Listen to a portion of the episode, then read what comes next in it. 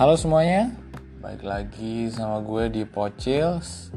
Uh, kemarin gue habis nonton film yang sekarang mau gue review dan spoiler warning buat yang belum nonton nih film. Tapi kalau mau ngedengerin nggak apa-apa sih, jadi asikin aja.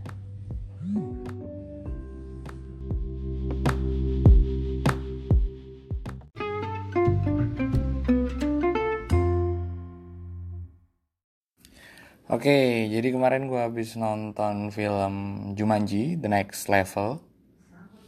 Uh, karena gu dulu gue nonton yang film pertama itu yang Jumanji Welcome to the Jungle kan. Soalnya gue kepo sama film yang sekarang sama yang dulu itu bedanya apa? Jumanji kan udah di remake ya bahasanya ya. Iya di remake dari Jumanji yang pertama. Terus yang ke di Welcome to the Jungle tuh apa yang beda? Ternyata asik sih yang dulu di Welcome to the Jungle. Uh, karena adanya Dwayne Johnson soalnya gue cukup uh, suka sih sama Dwayne Johnson. Beberapa filmnya Dwayne Johnson juga sukses dan ini dia ngebawain di Jumanji Welcome to the Jungle dulu. Itu asik banget dan sukses. Dan sekarang dia masuk lagi di Jumanji yang the next level. Dari judulnya udah kelihatan next level berarti kan level selanjutnya dan buat yang belum tahu Jumanji ini apa sih? Jumanji ini film yang uh, kalau yang di sekarang ya, yang sekarang-sekarang ini adalah lo yang bisa masuk di video game dan lo masuk di game itu. Makanya judulnya yang sekarang The Next Level, mereka udah menyelesaikan level yang pertama, sekarang mereka lanjut di level yang kedua. Dan uh, di level yang kedua ini itu enggak semudah yang dibayangkan karena uh, di film ini ada konflik baru yaitu mereka masuk dengan karakter yang berbeda. Kalau dulu kan siapa si Spencer atau Alex Wolf ini kan dia jadi dokter Bravestone. Tapi sekarang ada tokoh baru yaitu yang jadi kakeknya si Spencer sama temannya kakeknya Milo itu malah ikutan masuk dan Bethany yang dulu udah jadi siapa sih?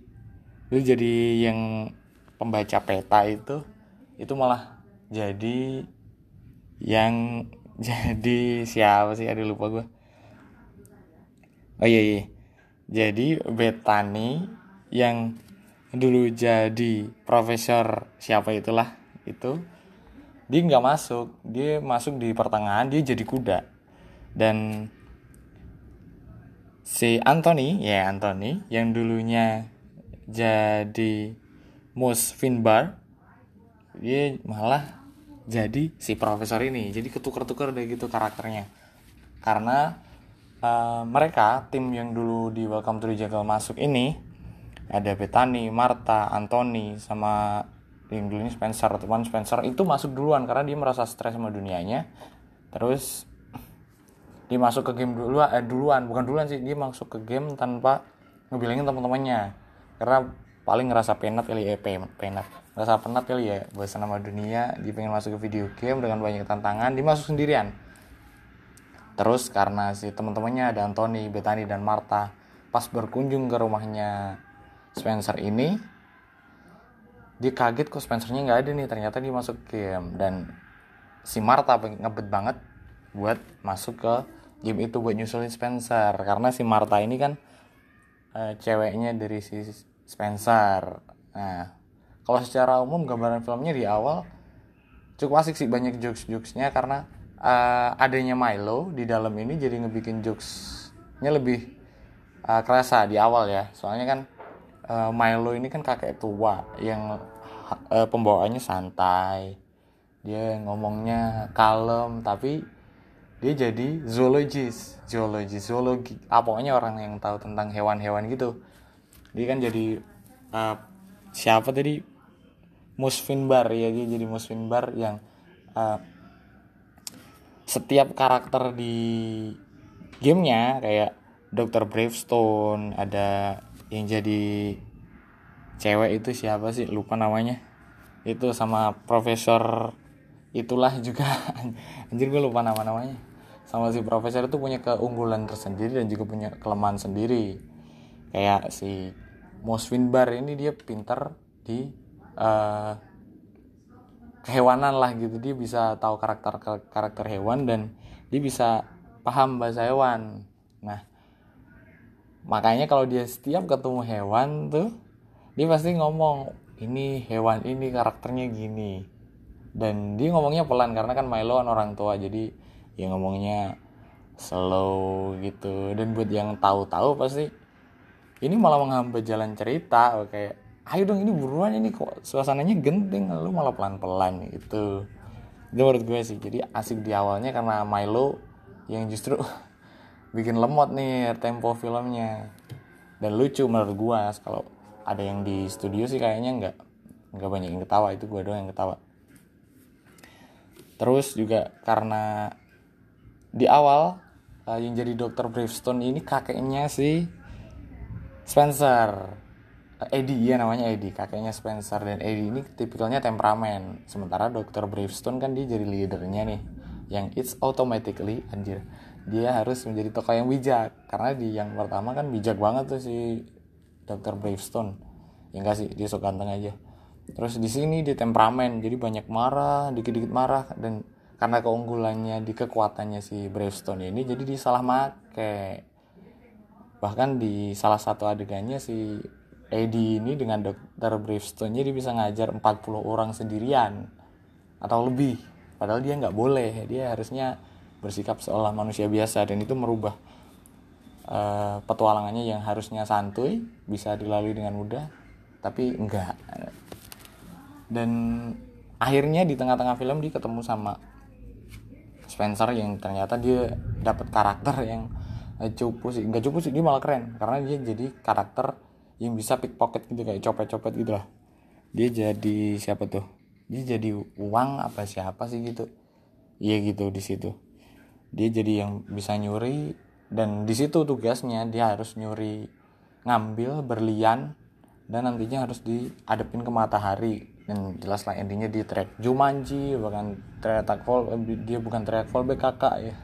Di tracknya Jumanji gitu dan selama filmnya gue nikmatin sih karena gue termasuk orang yang seneng film.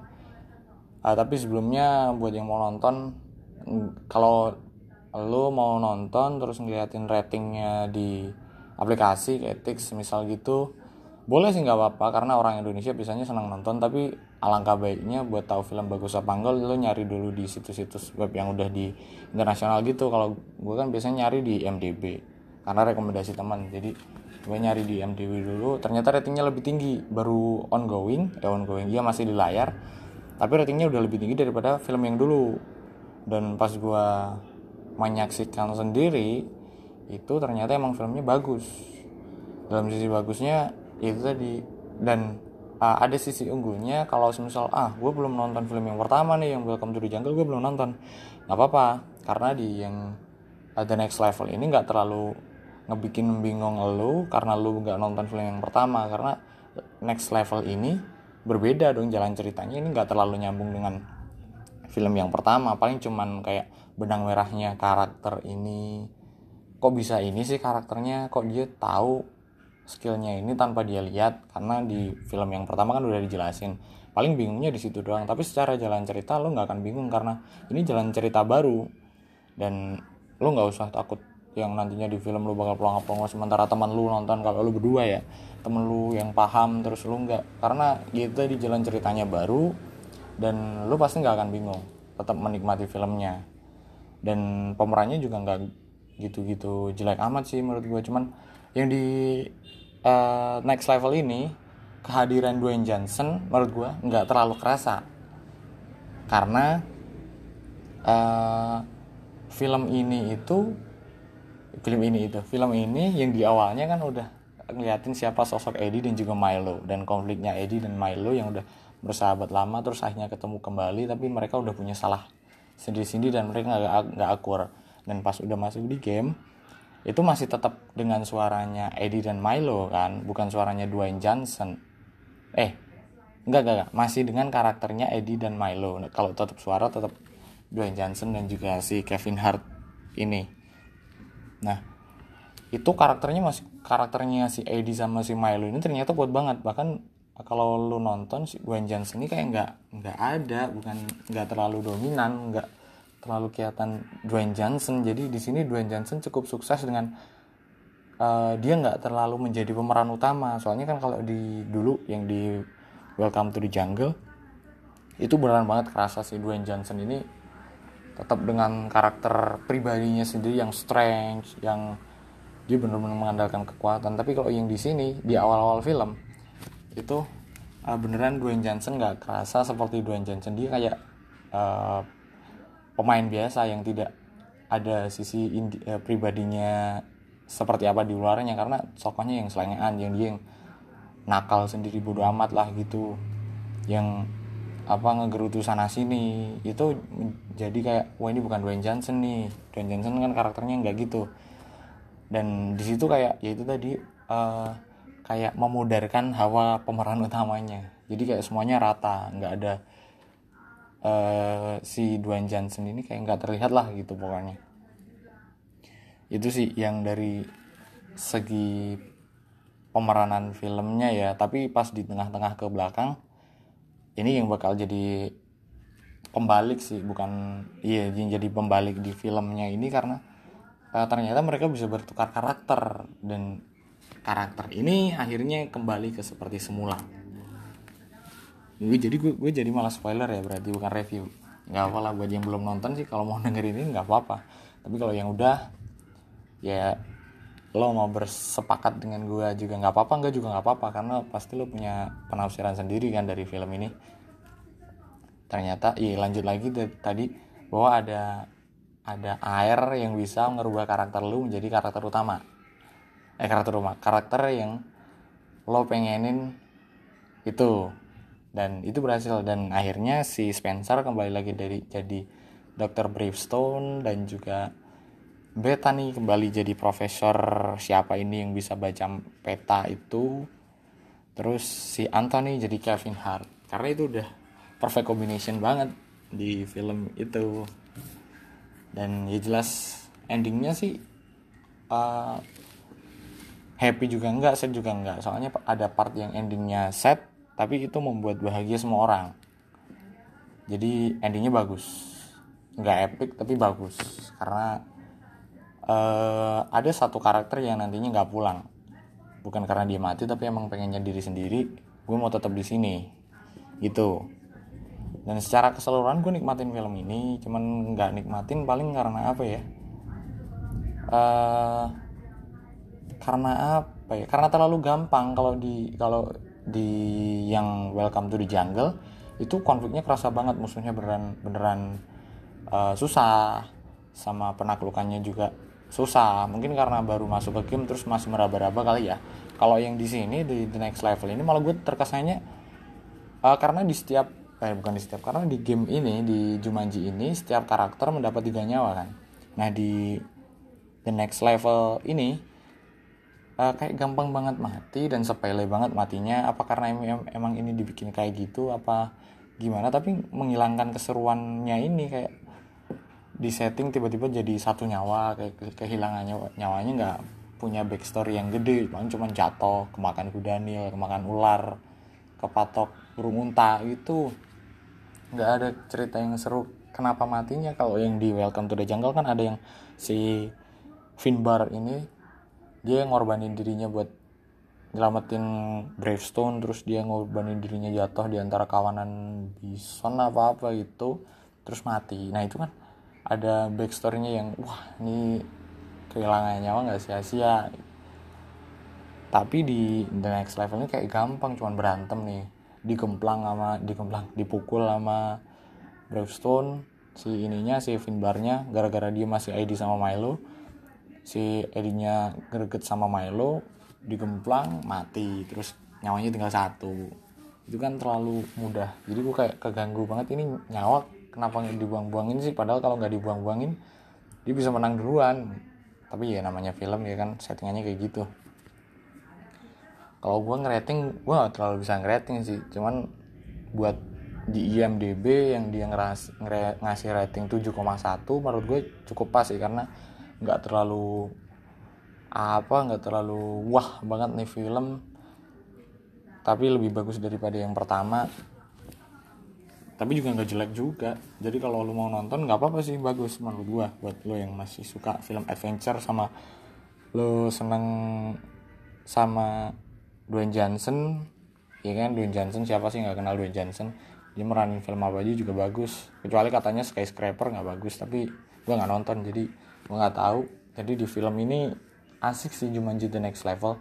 Cuman kalau mereka yang udah nonton Jumanji yang pertama yang dulu banget itu pasti kayak wah ini beda banget nih sama yang Jumanji yang sekarang eh yang dulu. Itu buat kalau para golong-golongan tua. Cuman kalau yang baru nonton Jumanji lewat Welcome to the Jungle pasti ya ya ini nggak jauh-jauh amat. Dan juga pemerannya ganteng tuh ada Nick Jonas yang jadi siapa sih? Nick Jonas ini jadi Jefferson. Siapa gitu. Yang jadi tokoh utamanya eh tokoh utama.